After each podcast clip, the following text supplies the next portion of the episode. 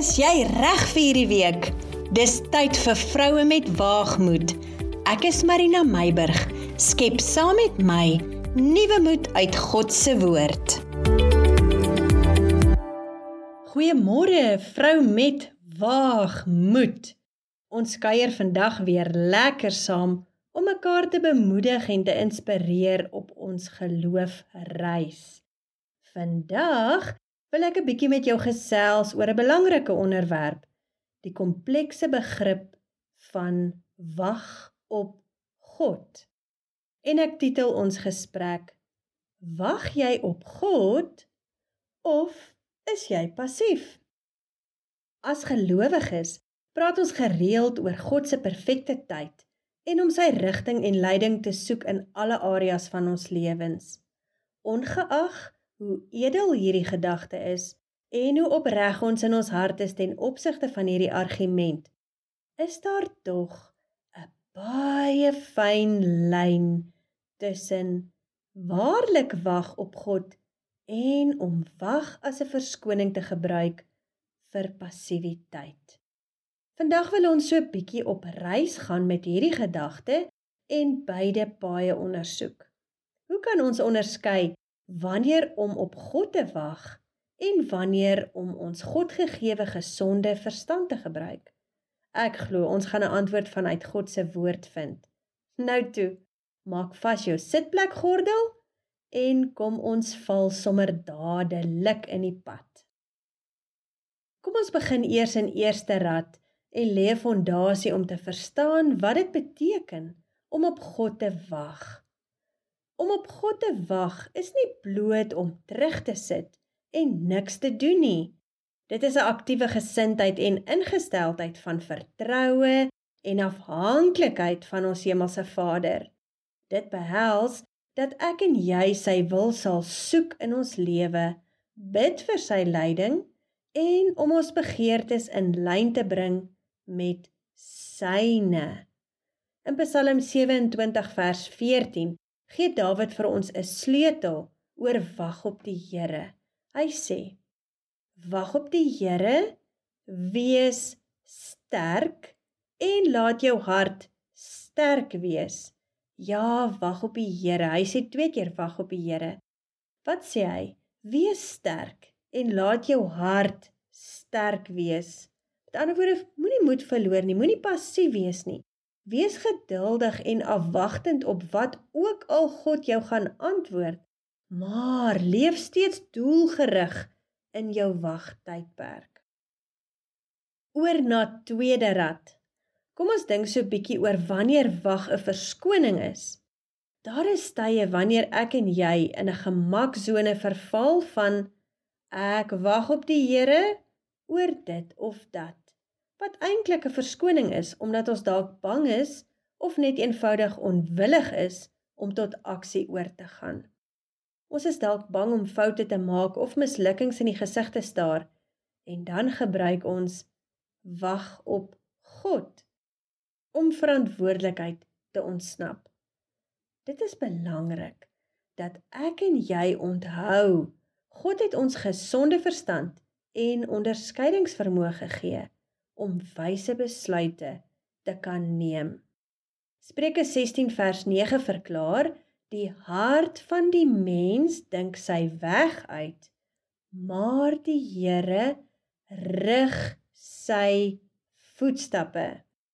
As ek en jy die Here dien, ons wandel in gehoorsaamheid aan sy gees en het ons begeertes in lyn met God se woord gebring, dan het ons mos die vaardigheid om aktief 'n besluit te kan neem en dit uit te voer. In derde rad begin ons nou al sommer lekker spoed optel, want ons moet kan onderskei wanneer om te wag en wanneer om in geloof op te tree. So. Hoe weet ons waar die skeidslyn is tussen die twee?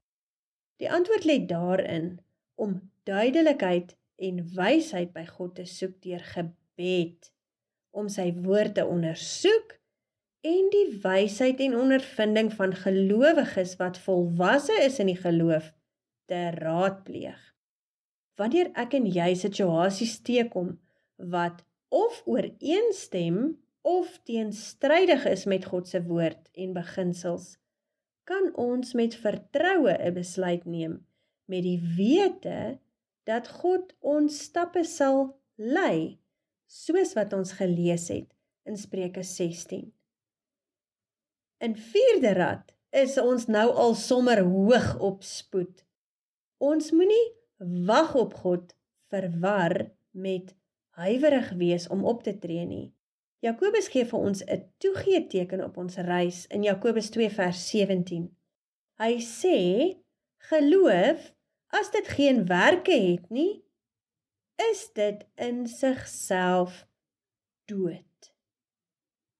Wat beteken dit? Passiewe geloof kom tot niks. Dis dood.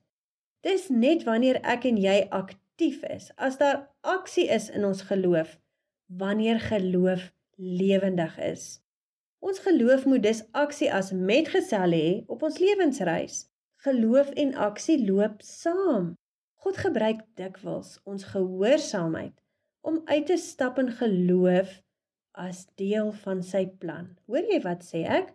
Ek sê God gebruik dikwels ons gehoorsaamheid om uit te stap in geloof as deel van sy plan. Eendag het ek en Fanny met 'n oom gesels oor presies hierdie gedagte. Hy het geluister na wat ons alles gesê het en toe het hy die gedagte eintlik so eenvoudig aangespreek. Hy het gesê: Ek het 'n lewende verhouding met die Here. Ek glo dat ek sensitief is om sy stem te hoor en ek bestudeer die woord. As ek dus 'n besluit moet neem, neem ek eenvoudig die besluit en kry klaar. Hoekom moet ek daaroor wonder? Ek het mos al reeds die verhouding, ken die stem en weet wat in die woord van God geskryf staan. So ek neem die besluit en as ek dan wel 'n fout maak, vra ek vergifnis, leer uit die situasie en beskou dit as ondervinding sodat ek volgende keer 'n beter beoordeling kan maak wanneer ek weer 'n besluit moet neem. Nou hierdie oom is al oor 80 en hy het gesê met hierdie ingesteldheid van hom het hy eintlik baie selde in sy lewe 'n verkeerde besluit geneem. Ek dink ons kan leer uit die oom se trekrekord van sy lewe. Maar hy noem 3 dinge. Kom ons noem dit sy suksesstorie in besluitneming. Eerste, 'n lewende of dan aktiewe verhouding met God.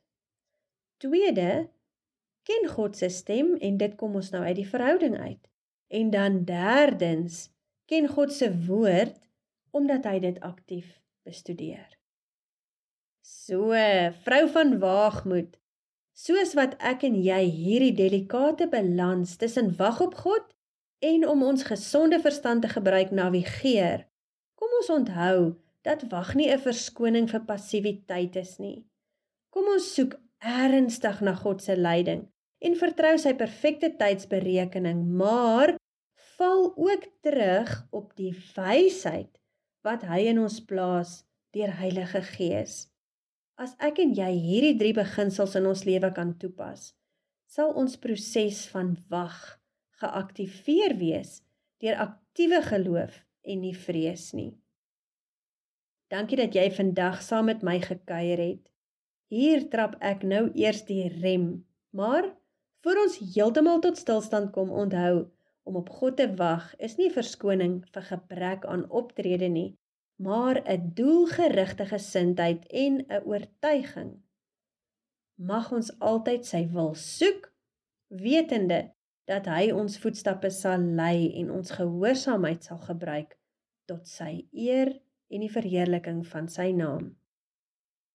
Stuur vandag se geselsie aan vir jou vriendin en bemoedig haar ook hiermee. Ek dink sy wonder dalk ook oor hierdie onderwerp. Mag Vader jou ryklik seën op jou lewensreis van gehoorsaamheid en geloof hierdie week. Ek wens jou 'n veilige en aangename reis toe. Totsiens vriendin. Ons kuier volgende week verder.